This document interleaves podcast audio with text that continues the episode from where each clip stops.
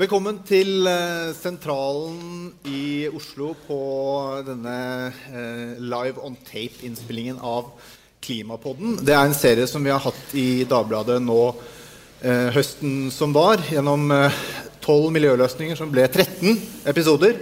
Så det er jo et overskudd av løsninger. Det er vi veldig fornøyd med. rammen for det hele arrangementet her i dag er jo at Dagbladet fyller 150 år. I den forbindelse tenkte vi at det var greit å se litt framover også. Eh, og noe av det som kommer til å prege eh, både samfunnet og politikken i veldig stor grad de neste tiårene, må vi regne med, er klimaendringer og klimapolitikk. Our ability to live is what is at stake. For en fremtid som er bærekraftig. Det blir ikke noe grønt skifte. Det er vår månelanding. With the global warming and that, a lot of it's a hoax. It's a hoax. And the damage that climate change is doing to our planet. Klimapodden en podkast om tolv miljøløsninger med Geir Ramnefjell og Bård Vegar Solhjell. Da har jeg som vanlig med meg eh, Bård Vegar Solhjell, som er eh, leder i eh, WWF, ekspertkommentator Eh, sidekick, har vi sagt eh, noen ganger. Eh, partner in crime kan jeg kalle deg gjennom alle disse episodene i Jeg begynte som sidekick når du hentet meg inn, og så ble jeg ekspertkommentator. Så det er en slags karriereutvikling. ja, det er veldig bra. Eh, og så har vi fått med oss eh, to gjester. Eh, Espen Barth Eide. mangeårig sentral Ap-politiker.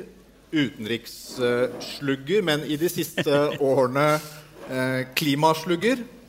Eh, og så har vi Lene Westgård Halle, Høyre, stortingspolitiker. Og nå også klimaslugger. Jeg presenterte deg som klimaslugger på et innslag på Facebook. Du var litt usikker på hva du syntes om jeg, jeg, jeg, tror det er fordi jeg fyller 40 år at det liksom er sånn endelig. Så nå er jeg voksen. Så jeg tar det som et kompliment. Men det, det skyldes jo også det at uh, før du ble stortingsrepresentant for Høyre, så var du også uh, leder for finans i miljøorganisasjonen Zero. Mm. Så Det er derfor jeg kaller deg slugger. Min definisjon på slugger er de som har peiling på ting. Ja, takk. Det, ja, Vi får se, da. Ja. Kanskje spørre gjestene forresten om dere har lyst på et glass vann? rett og slett. Ja. Under, ja. Her, Espen. Sånn. Lene. Du, Lene, hvis du klarer ett, så klarer du vel to? Gjør du ikke det? ja, jeg kan ta det. Takk. Um, vi må nesten uh, begynne litt sånn mykt, da, siden dette her kommer til å bli uh, veldig utfordrende for dere selvfølgelig etter hvert. Uh, begynne litt lett. og vi begynner med deg, deg Espen. Som med bakgrunn fra, fra utenrikspolitikken hvorfor, hvorfor, begynte du plutselig å engasjere deg for Hvorfor ble klima så viktig for deg? Og hvis du kan prøve å forklare det kort, og kanskje er det noen, noen opplevelser du har hatt som har gjort at du har engasjert deg for denne saken? Jeg tenker at uh, Klimautfordringen er nå verdens største felles utfordring. Altså det å, det å bevare klimaet er det fremste globale fellesgode. Uh, og det kan man altså i bare begrenset grad løse i hvert enkelt land. Selv om lokal og nasjonal innsats er viktig, så er det grunnleggende sett et internasjonalt problem. Uh, vi er i ferd med å styre og uh, helt ut av kurs i forhold til å styre innenfor naturens uh, rammebetingelser. Uh, og det må vi ta tak i før det er for seint. Og det er den generasjonen som, eller de generasjonene som lever nå, altså de som er på min alder og de som er generasjonen under, er de som egentlig må løse dette her. Og hvis ikke vi lykkes i de neste 20-30 årene, så går det rett og slett ikke. Eller i hvert fall blir det uendelig mye vanskeligere. Så det fremstår for meg som kanskje det største og viktigste politiske spørsmålet på den globale arenaen. Og det er også et felt som krever at de man har multilaterale felles løsninger som faktisk virker. Og derfor har jeg lyst til å begynne med noe som er litt optimistisk. Det er at Katowice-toppmøtet, som eh, selvfølgelig kunne endt bedre, kunne også endt veldig mye verre. Eh, gitt at vi nå lever i en internasjonal situasjon med et mye vanskeligere politisk klima enn vi hadde bare for tre år siden, eller fire år siden da Parisavtalen ble underskrevet. Men det viser at det fortsatt er mulig å bevege seg fremover på den internasjonale arenaen. tross alt. Mm. Så hvis jeg tolker ut fra det at du med, din utenriksbakgrunn tenkte at her kan det være bruk for meg. det kan du si. ja.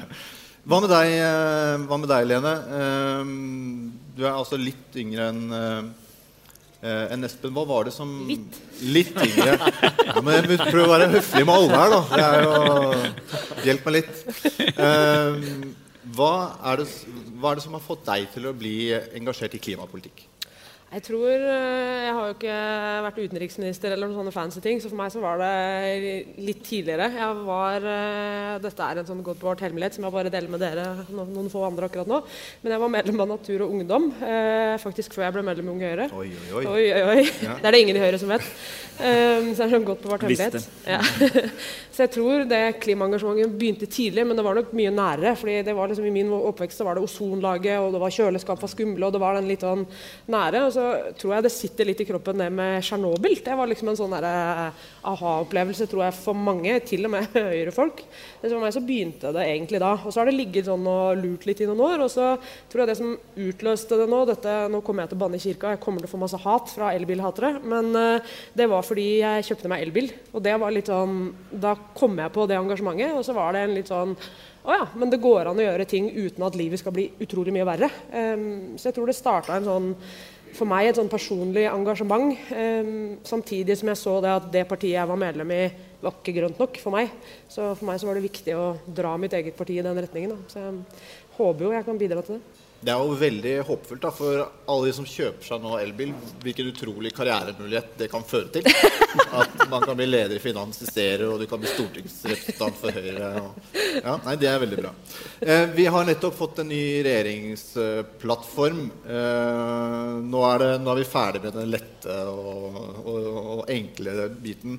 Eh, Lene, jeg har jo sett at du i sosiale medier allerede er liksom kjapt ute og liksom plukker fram hva som er de viktigste tingene fra, fra klimakapitlet, klima- og miljøkapitlet i regjeringsplattformen. Um, men du kan jo gjenta det for, for oss der. Hva, hva, mener du er de viktigste tingene? Jeg tror sånn Helt ærlig så er det viktigste at ikke regjeringen nå sier at det klima det gjennomstyrer alt vi står for. så Derfor har vi ikke skrevet noe om det. Eh, til at vi nå er der at regjeringsplattformen inneholder et klimakapittel som kanskje er jeg tror det er nesten er det største kapitlet i hele plattformen. Um, og så merker jeg ved det at det er en veldig sånn holdningsendring i regjeringen sammenligna med da vi starta. Eh, og jeg er veldig glad for å se at plattformen reflekterer det. Og så var jeg nok aller mest overraska da jeg åpna Jeløya-plattformen, for da hadde det skjedd ganske mye, og så er det blitt plussa på nå. Eh, særlig syns jeg det er bra det med at man øker ambisjonene på, på prosentvis kutt på ikke-kvotepliktig sektor. Det synes jeg er viktig. Eh, jeg syns også det er viktig at vi ønsker å e øke ambisjonene til EU. Og så er det noen konkrete tiltak på f.eks. økning i CO2-avgiften og sånne ting som nok sitter langt inne for mange, eh, og som kommer til å være utfordrende også å håndtere politisk, men som regjeringen nå har sagt at det ønsker vi faktisk å gjøre. Men, men hva er din vurdering? Er dette så langt man kommer? Er dette, er dette det beste man kunne klare å få til? Nei, altså jeg tror jo at klimapolitikken er nødt til å gå mye lenger. Jeg tror regjeringen på sikt er nødt til å gå mye lenger, men jeg tror dette er det som er gjennomførbart.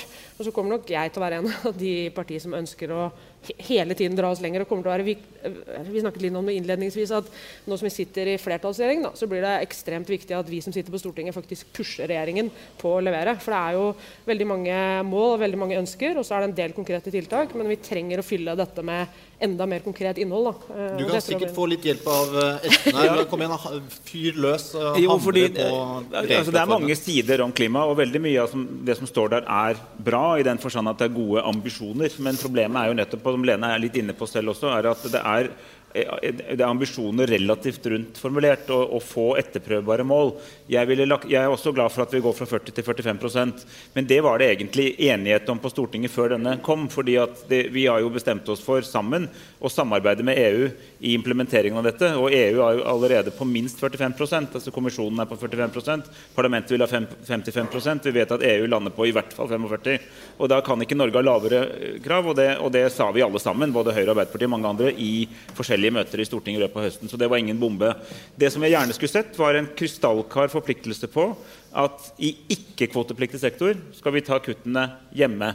Eh, jeg skal erkjenne at språket har strammet seg litt til. At det er enda tydeligere at man skal bestrebe seg på det. Men man tar likevel forbeholdet Ikke-kvotepliktig sektor. Ja. Kjapt forklar hva ja, altså Det er lokal lokaltransport, det er søppelhåndtering det er, veldig, altså de, det er de ting som ikke er i den kvotepliktige sektoren, da, hvor du har flytransport og tung industri og sånne ting. Ja, så, så, så, så? I kvotepliktig sektor heter kvotepliktig sektor fordi vi er enige om at det er meningsfylt å ha internasjonal kvotehandel eh, for å få de mest optimale tiltakene. Der er det bred enighet. Og så kan man ha en egen diskusjon om hvilke kvotesystem som virker, og hvilke som ikke gjør det. Jeg mener EUs virker godt. Men i ikke-kvotepliktig sektor så er det vårt syn at det bør vi få til hjemme hos oss. Og da bør vi avstå fra de såkalte fleksibilitetsmekanismene i EU som gjør at vi også der kan kjøpe oss bort fra et tiltak i Norge ved å betale for et eller annet i Bulgaria eller et annet eh, EU-land. Og, og som, som sagt, Regjeringen har et tydeligere språk på det. Det går i riktig retning.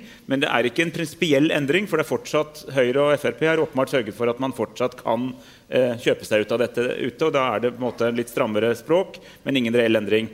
Det andre jeg gjerne skulle sett i tillegg, eh, er jo det vi nå gjorde i høst, nemlig å si at vi skal ha konkrete eh, mål per sektor. Altså ikke ambisjoner per sektor, men mål. Så og så mye skal vi kutte i hver enkelt sektor, altså industri, landbruk, eh, transport osv. Og så skulle man kunne gå tilbake og se hvordan vi ligger an i forhold til målene. For altså hvordan vi helt konkret når vårt nasjonale kuttmål. Og der har du snakket om at det fins to budsjetter. Det fins et statsbudsjett, og så fins det et utslippsbudsjett. Kan ikke du forklare litt om Jo, hvordan du tenker rundt det er egentlig kanskje noe av det viktigste å forstå nå. Det er at verden har eh, altså Vi har brukt opp det meste av det vi kan tillate oss av CO2-utslipp i historien, altså fra 1750 frem til nå. Eh, eh, slik at, for, fordi, for den CO2-en i atmosfæren blir jo der i mange mange hundre år. Eh, og hvis vi fortsetter på dagens kurs, så er det altså 20 år igjen. Hvis vi da blir litt flinkere, så er det kanskje 30 år igjen i verdenshistorien. Det betyr at vi har altså et utslippsbudsjett eller vi bør ha et utslippsbudsjett som sier hvordan vi disponerer vi menneskehetens siste CO2-utslipp før vi er fremme i karbonnøytralitet. Og da har jeg sagt i Stortinget at sant, du, Hvert år så jobber vi for å få våre ting inn i statsbudsjettet. Hvis du mislykkes i år, så kommer det et nytt statsbudsjett. Men du kommer ikke et nytt utslippsbudsjett. Det er endelig. Det er ett budsjett for resten av vår tid på jorden. Eh, og, og da må vi altså nå, som vi vet det, disponere oss i at hver, hvert eneste utslipp er noe da vi stjeler fra fremtidige generasjoners anledning til utslipp hvis vi vil holde oss innenfor 1,5 eller 2, grader, avhengig av hvor vi ønsker å lande på det. Det er en viss grad av alvor eh, i det du sier nå. Eh, men samtidig nå er vi inne på pragmatismen. Og dette er jo noe du Bård Vegar, kjenner godt til. For du er jo nå en betrakter på utsiden og jobber som leder for eh, WWF. Men du har jo også vært eh, miljøvernminister. Eh, hva tenker du eh, om regjeringsplattformen? Har man kommet så langt man kunne, sånn realistisk sett? Hva er din vurdering? Nei, altså, Jeg har vært med og forhandla sånne plattformer før. og jeg, jeg merkte at Det finnes en sånn liten messengergruppe blant ledere i miljøbevegelsen som av og til utveksler liksom, synspunkter på. Oi, oi. Eh, og det, Den kvelden så var det liksom, ja, hvordan leser vi det her og sånn, og da merkte jeg at jeg var, liksom, kanskje, jeg var hakket mindre negativ enn de andre. Og liksom, kom igjen, det er jo ting her. Og kanskje var det fordi eh, Det var som jeg sa til en i Venstre, at liksom, I feel your pain. på en måte. Jeg skjønner liksom jeg skjønner, Når jeg ser det her, så skjønner jeg alt det sinnssyke arbeidet, alle de utrolige fightene som faktisk ligger i det. Eh, og det, det, er liksom, det er først det er viktig å anerkjenne det. Og veldig høy detaljeringsgrad i det kapittelet i forhold til veldig mange andre regjeringserklæringer. Merk det. Det er blant annet, tror jeg, fordi alt som kommer inn der, så har du noe i hver eneste lille fight med et eller annet departement i regjeringa. Det er en veldig viktig ting. Eh, og, og summen av ganske mange små ting er liksom, skal ikke helt undervurderes. Når det likevel tror jeg møtes med litt sånn eh, ikke så positivt, da, så er det for et, på de store tingene som virkelig liksom, store løftene, så er det ikke noe særlig endring. Eh, Jeløya, det, det er dominert av Jeløya fortsatt. Veldig lite endring fra det. Det er veldig mange punkter som er oppfølging av ting som allerede er vedtatt i Stortinget, eller prosesser som allerede er i gang. Eh, og det er, med et par unntak, få store nye ting som vil monne. CO2-avgift etter min oppfatning kanskje det største unntaket. Og på olje, da, som tross alt sant, Vi er det landet vi er.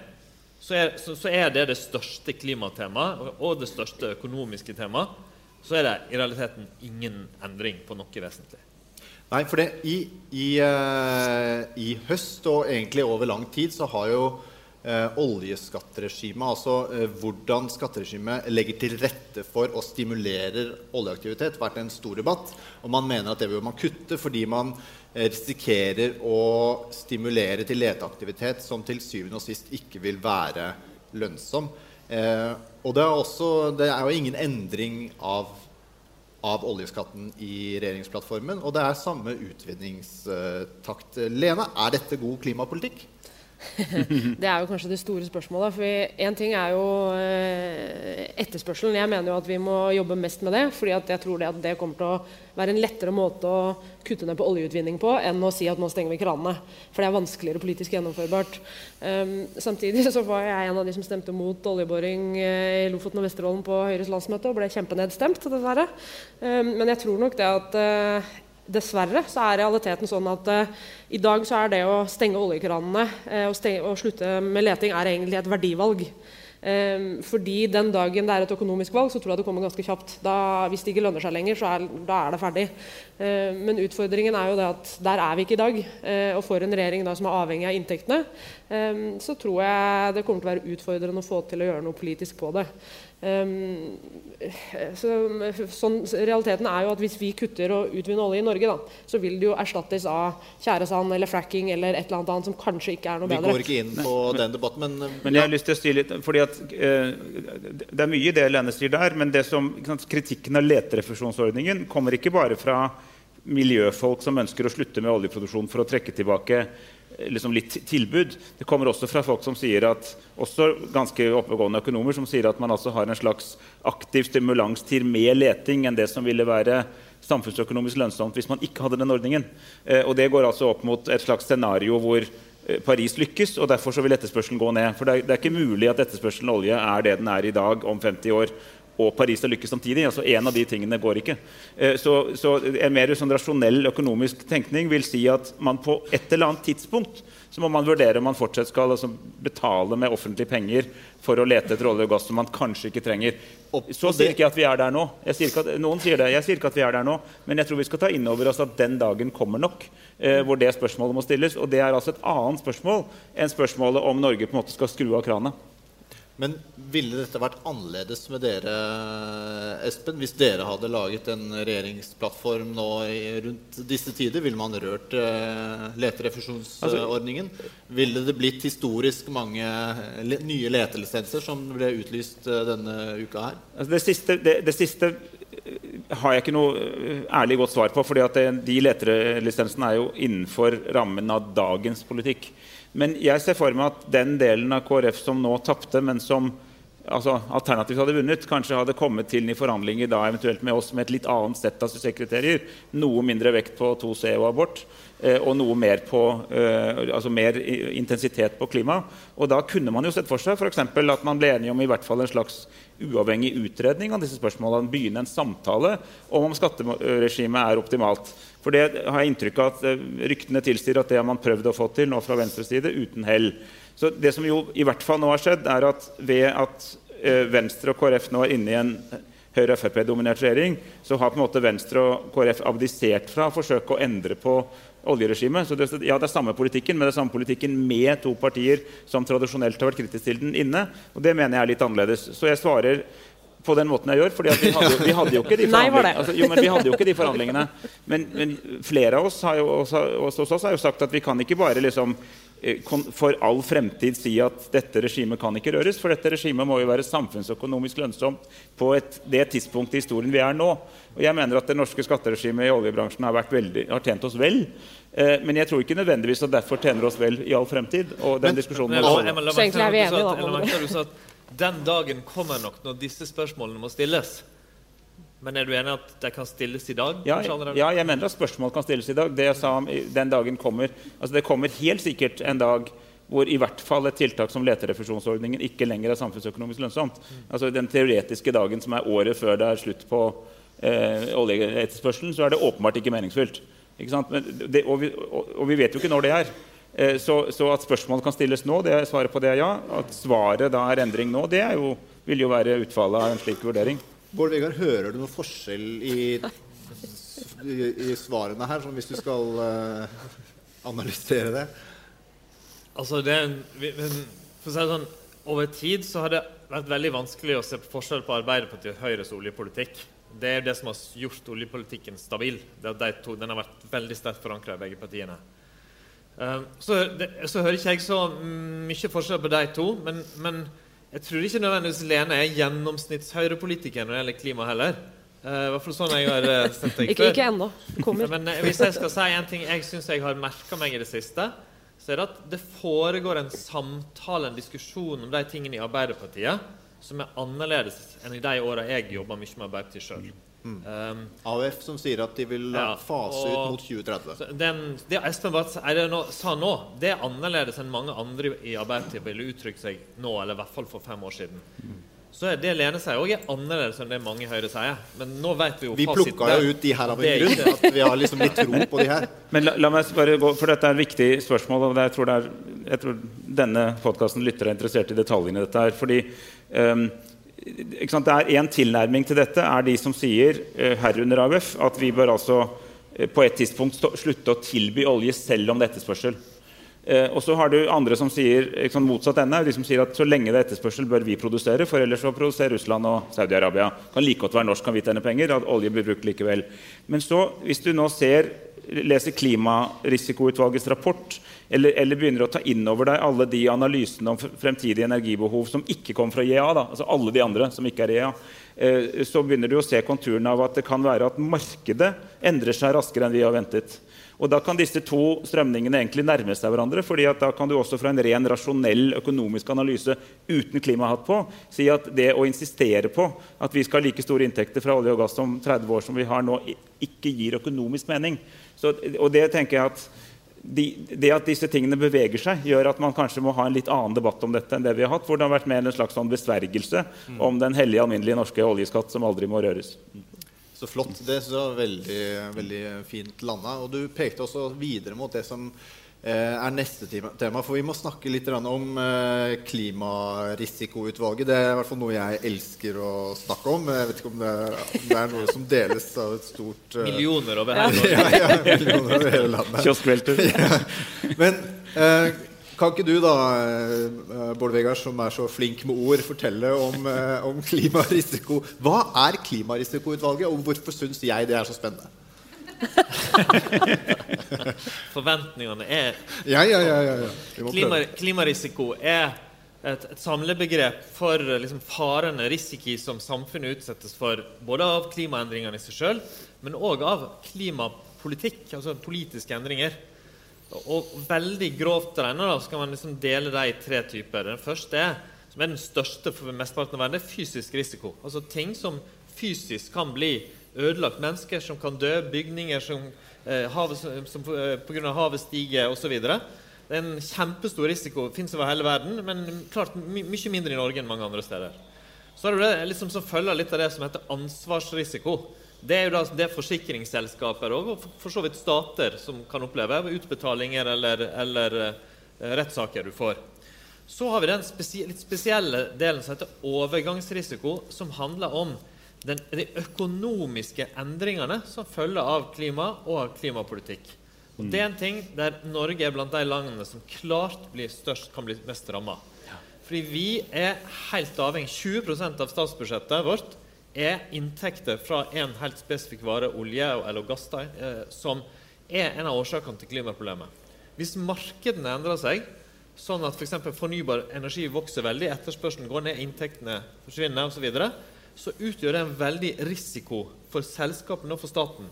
For Norge kommer den til uttrykk på mange måter. eh, Litt ved at vi har direkte inntekter. eh, Litt ved at vi har et eh, eierskap i Equinor. Og litt ved at vi i tillegg gjennom fondet eier masse kull og, og Nei, unnskyld, noe kull ennå, men olje- og gassaksjer rundt omkring i verden. Og det, er det, det utvalget går igjennom, da, er de typen risiko. Blant annet peker på at dette jo utgjør en reell risiko òg for Norges eh, økonomi. Ja, ikke sant? Og dette var da framsynte eh, politikere og folk i organisasjoner som, som presset på at dette, må, dette er et utvalg vi må sette ned. Dette har veldig stor betydning for Norge. Så det ble etablert. Eh, Venstre har snakket veldig mye om det gjennom det siste året, og så ble det presentert i, eh, i høst, seint i høst, Mm, Desember. i desember. Eh, hvor de bl.a. sier at man, man bør utvikle scenarioer og priser og sånn ut fra for å se særlig på petroleumssektoren om, om, det, om det kan bli ulønnsomt for Norge på sikt.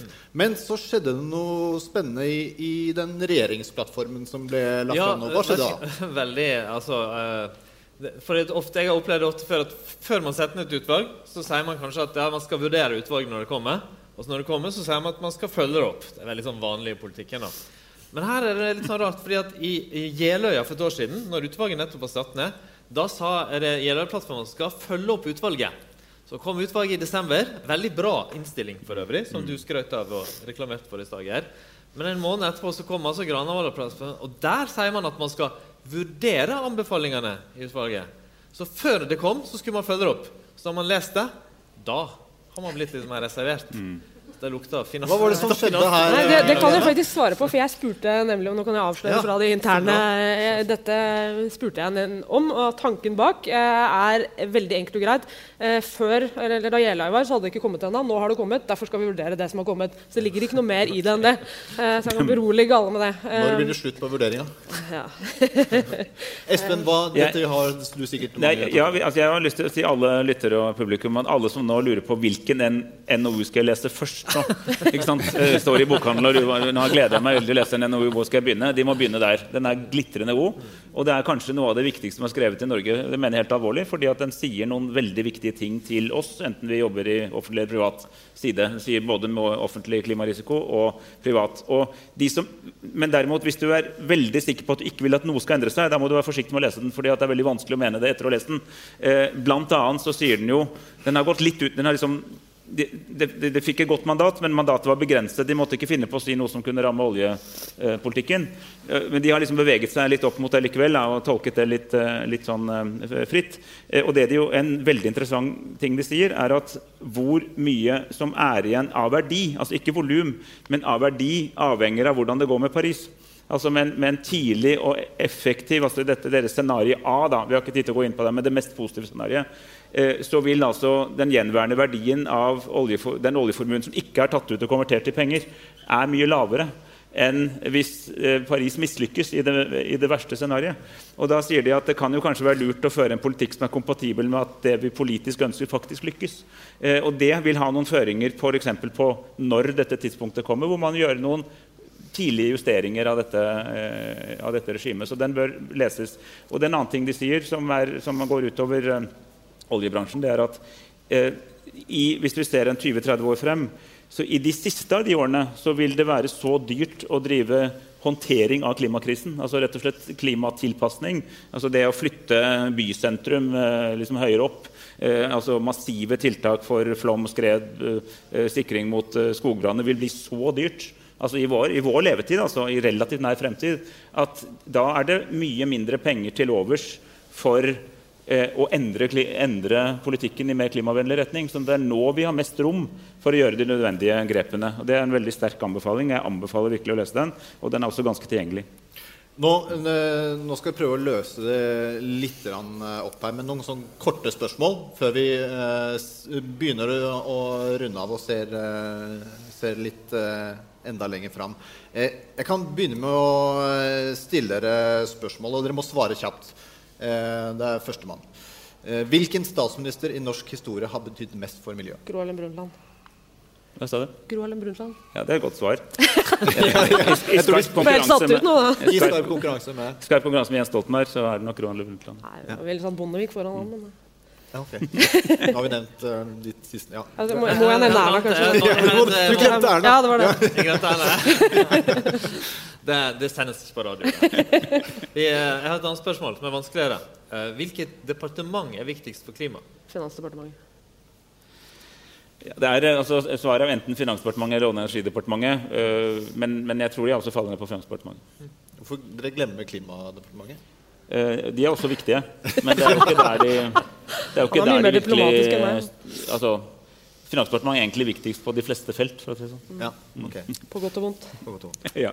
Ok, Nå må jeg stille et, et veldig, veldig, viktig, et veldig viktig spørsmål. Eh, hvilken avis er best på miljø? Dagbladet. Ja. Ja, Dere skriver mye om klima, i hvert fall. Det er fint. Ja. Mengde er viktig. Ja, mengde, det, ja. Um, hvilken miljøorganisasjon er best, da? Jeg er jo pro programforpliktet til å si zero, men jeg mener jo det. Helt ærlig oppriktig. Jeg, jeg, jeg, det, har, det er et litt kjedelig svar, men jeg mener at vi er, vi er veldig godt oppsatt med en rekke veldig gode eh, natur-, klima- og miljøorganisasjoner som ikke bare er i liksom aktivistbransjen, men også er i kunnskapsbransjen. Og så bidrar ganske mye til forståelsen. Og jeg føler at vi har veldig, altså, eh, veldig god dialog med mange av dem, inkludert eh, WWF, selvfølgelig. Men, men også mange av de andre i forhold til at det også er produksjon av kunnskap. Og en, jeg har lyst til, et poeng jeg har gjort, som jeg har snakket med Bård Vegar om i mange andre sammenhenger også, det er at for en del år siden så var i hvert fall bildet fra utenfra av en miljøaktivist var en som ville bremse utviklingen. Sant? Det går for fort, kan vi produsere litt mindre, det er for mye vekst. Nå opplever jeg mer at den typiske moderne klimaaktivisten er en som syns utviklingen er for treig. Altså, vi må komme oss videre, vi må slutte å være så retro. Slutte å holde på med alle disse gamle tingene. Vi må inn i fremtiden, for fremtiden er renere og mer bærekraftig enn fortiden. Eh, og det skiftet er ikke uvesentlig, for det tror jeg er en helt annen appell å si at vi skal frem til noe, enn at vi skal slutte med noe og bremse. Så det mener jeg det vil sette klima Og Zero er et godt eksempel på det. Men Men altså, jeg tror det er veldig viktig, for det gjør at sånne folk som meg, da, eller høyrefolk, også begynner å åpne øra. At uh, Hvis du står der i Islender og lenker deg fast til et eller annet, så får du ikke kontakt med høyresida. Er det ingen fra Høyre som hører? Nei, dessverre. Det gjør ikke det. Men er du smart, da, som de fleste miljøorganisasjoner har begynt å bli, så møter du opp på Stortinget i dress eller drakt, og så åpner alle på høyresida med øra dette med ja, dette, jeg, leverer jo, jeg leverer jo ikke i dag, jeg heller. Men det, i hvert fall de litt uh, godt voksne konservative politikerne. De, fram dressene fra innerst i skapet. Jo, men, altså, men jeg tror det er veldig viktig, særlig det med kunnskap. For at det, er ikke, det er ikke nei til alt, det er forslag til løsninger. Og når en miljøorganisasjon eller en lobbyist kommer med forslag til løsninger, så er politikere mye mer villige til å høre på den politiske skalaen. og, heller. og næringsliv. fordi altså, Jeg jobbet jo en del år i Verdens økonomiske forum, og noe av det som fascinerte meg med, Der jobbet vi jo veldig mye med dette fjerde industrielle revolusjon. altså Hvordan veldig mye teknologi nå utvikler seg. Ikke bare innenfor hver sektor, men møtes på nye måter. På godt og vondt. Masse fascinerende nye muligheter. Veldig mange trusler også, mye risiko for store ulikheter og sånn, krever mye politikk for å holde orden på dette.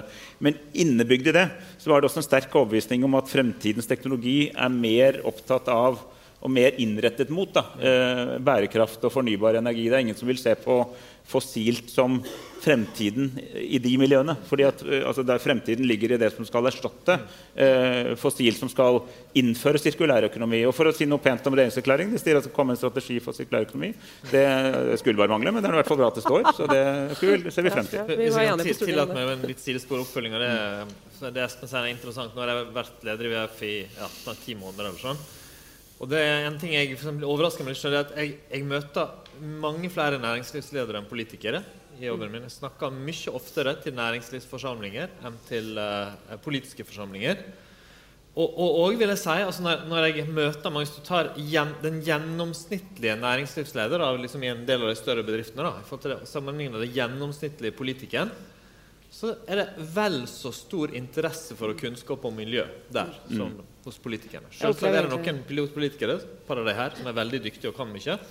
Men gjennomsnittet mange, mange næringslivsledere er veldig oppdatert på miljø nå. Men jeg opplever jo det som politiker også. Altså for en ting er jo, Vi kan sitte her og diskutere om hva regjeringen gjør, og vi legger rammeverk og sånn, men den drivkraften som kommer hos næringslivet nå, er jo helt enorm. Og den er ganske ny. Eh, og der står det folk da i dress og drakt og snakker om eh, bl.a. klimarisiko. Altså hvorfor dette er utfordrende for dem. Og de har skjønt at ok, det går faktisk an å spare penger og tjene penger på klima, og da blir det interessant med en gang. Og det har vi sett veldig tydelig i næringslivet, og jeg tror veldig at det er en stor løsning, da, ikke bare en en, men, meg, enig, men en forskjell uh, her er jo at en næringslivsleder har jo kunder og aksjonærer, men ikke velgere. Uh, poli vi politikere har i hvert fall når vi lykkes, da, så har vi noen, velgere, velgere også. Og jeg tror at i det politiske miljøet er det nok en opptatthet av at i den velgermassen, som de fleste av oss har, da, så vil du ha folk med litt ulike syn på hvor fort dette skal gå. Eh, og, og jeg tror eh, når, Jeg jobber jo mye opp mot LO i disse spørsmålene. Det er veldig mange mennesker i LO som er opptatt av at vi må gripe det grønne skiftet også som en industriell mulighet. Men de sier med rette at dette må gjøres på en rettferdig og inkluderende måte. Og at noe av det farligste som kan skje, er om man liksom raser av gårde med en i og for seg ellers fornuftig klimapolitikk som ikke har folk med seg. Eh, Det er ikke et argument for å vente, men det er et argument for inkludering, involvering, rettferdighet, fordeling i skiftet. og Derfor tror jo jeg da, med mitt utgangspunkt, at du trenger altså en ganske aktiv stat. eh, Både for en, en innovativ stat som setter kursen ganske radikalt på hva man skal gjøre mer og hva man skal gjøre mindre av, men også sørge for at man tar folk med seg gjennom aktiv omfordelingstiltak på veien. Fordi vi skal, nå, skal vi lykkes med Paris, så må verden bli veldig annerledes i løpet av 20-30 år. Veldig annerledes. Og det- kommer til å skape vinnere og tapere, og det må man altså kompensere for gjennom offentlige tiltak. Der har fagforeningene en utfordring, i hvert fall. Merket vi jo i ACER-debatten. Ja, Vi, eh, vi kniper fagforeningsdebatten eh, der. Men eh, nå ledet vi oss fram mot det som, eh, som vi begynte med. Altså eh, at verden kommer til å se veldig annerledes ut om 20-30 år.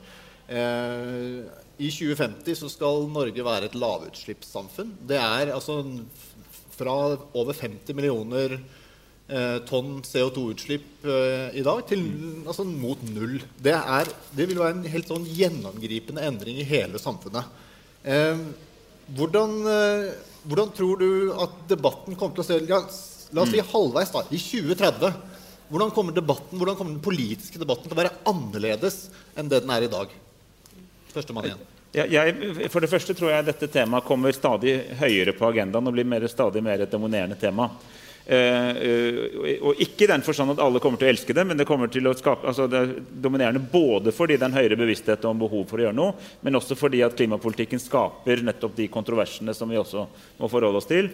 Og dette blir også bekreftet av at i 2030 kommer vi til å oppleve de reelt observerbare klimaendringene rundt oss mye mer enn vi har gjort f.eks. i fjor, hvor vi så begynnelsen på det. Eh, samtidig tror jeg at folk vil, en del sånne hellige kuer vil ha vært slaktet allerede. Man har begynt å skjønne at du er over mot noe annet, og at det andre egentlig er litt sånn noe du kan ettertrakte trakte etter, og som kan bli bra.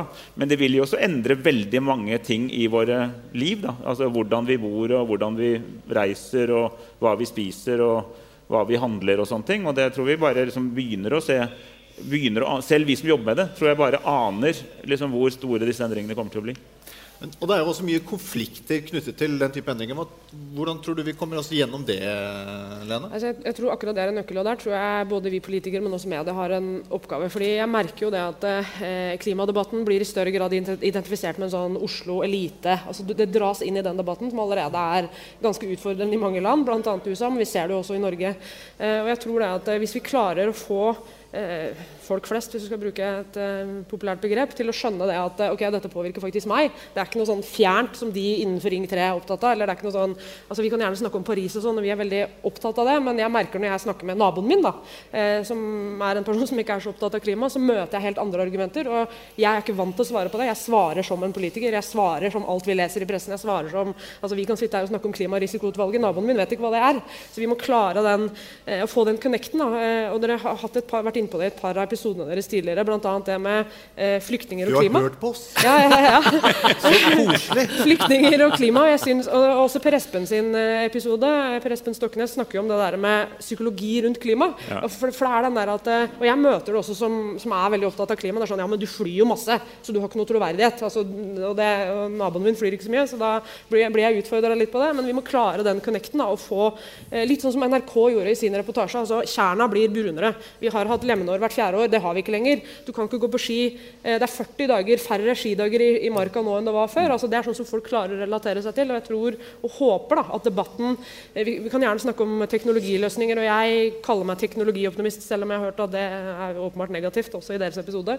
Men jeg tror at vi må klare, den, klare det å kommunisere det. Og hvis vi klarer det i den prosessen frem til det, så tror jeg vi kan få med liksom, litt bredere masser. Ikke bare oss som egentlig er veldig enige om at vi må gå fremover og at vi har masse tiltak. Men, men ja, CO2-avgift altså Naboen min er opptatt av det når det blir dyrere bensinpris. Og da må vi klare å forklare hvorfor. Og hvorfor Jeg det er tror bra. man både må være teknologioptimist og optimist på alle mulige andre måter hvis man skal se framover mot 20, 2050. Hvordan, hva er, du, er du optimist fram mot uh, 2050? Ser du for deg at vi Ja.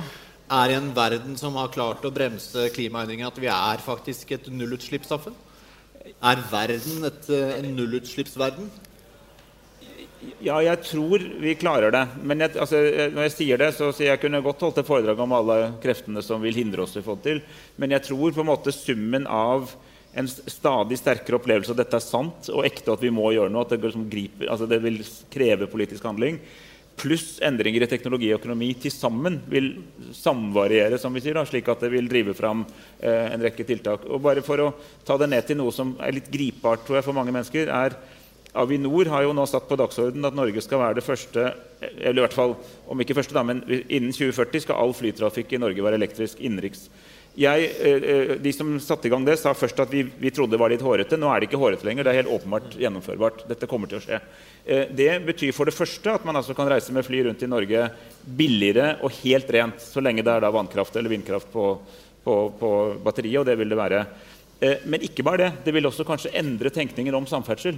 Kanskje vi må se på, liksom, Hvis vi tar inn over oss det, så trenger vi alle disse veiene vi bygger nå? Er det slik at alle samferdselsplaner vi har nå, er kompatible med en virkelighet hvor det plutselig det mest økologiske du kan gjøre, er å fly? Altså Helt stikk i strid med hva vi er vant til. Eh, og, og, det er liksom det å begynne å tenke i de banene. altså Hvordan vil endringer et sted føre til endringer på noe vi allerede har planlagt et annet sted? Det er det vi må bli flinkere til å gjøre fremover. og da tenker jeg scenariet Eh, altså bruke scenarioer mer eh, i, i, fremfor fremskrivinger. Altså Vi kommer til å gjøre mer av det vi gjorde i går, fordi sånn har det alltid vært. Men heller tegne opp scenarioer hvordan ting er annerledes. Og det tror jeg er veldig lurt, og, og det vet jeg WWF og Bård Vegard for eksempel, sier. Du kan ikke bare skremme folk til eh, å bli klimabevisste. Du kan også lokke dem med at det er mye bra med det. det er ren luft og liksom, det er mange fordeler med å bo i et renere verden. Jeg tror vi må begynne å uh, runde av uh, her nå. Uh, dette har ikke jeg forberedt på deg på, men det er ikke fordi jeg er ond, det er fordi jeg bare kom på det først nå. at Vi har pleid å avrunde hver enkelt episode med at du rangerer på en skala fra 1 til 12, hvor 1 er minst viktig og 12 er mest viktig. Uh, og hvor viktig er uh, politikerne våre for å nå klima- og miljømålene? Altså, jeg, jeg, jeg, klarer jo ikke å gi lav karakter til politikere uh, som sådan. Ja, nei, nei, det, hvis jeg skal si um, Nei, altså jeg, Hvis jeg skal gi politikken som endringskraft en karakter, så er den veldig høy. Det er ti. Typ. Mm. Det er fordi Selv om det, sånn det er markedsdrivkrefter, det er teknologi Men nesten alltid så må det reguleringer, incitamenter, bevilgninger, ting for å utløse det. Ja. Og særlig i endringsfasen. Altså når ting bare ruller og går, når fornybar energi er billigere og utkonkurrerer olje, da er problemet slutt. Men nesten alt det har starta med politiske tiltak som er satt i gang. Alt det Espen fortalte om elfly nå, som er noe av det mest, det er noe av det mest transformative som kan skje i Norge, det starta jo nå med at det blir dytta på av Avinor, at de får penger til å sette det i gang, og at det utvikles og nok, Vi kommer til å måtte bruke masse penger på å lage det før det ruller av seg sjøl. Mm. Så eh, til alle unge mennesker som hører på kan jo trygt anbefale å bli politiker. Det er, det er måten å løse det, Politikk er viktig. Ja, jeg vil da si hjertelig tusen takk for at uh, dere to kom hit uh, i dag. Tusen takk, uh, Bård Vegar, for at du bestemte deg for å kaste bort skidagen din og komme hit og snakke med, med Klimapodden i stedet. Alltid en glede. Tusen takk for at dere kom dere opp i forstanderskapssalen her på Sentralen. Og tusen takk til alle lytterne som har hørt på oss. Eh, og som sikkert har hørt på alle 13 episoder før det. Men hvis de ikke har gjort det, så gjør som Lene Westergård Halle. Gå tilbake og hør på alle sammen. Tusen takk for oss.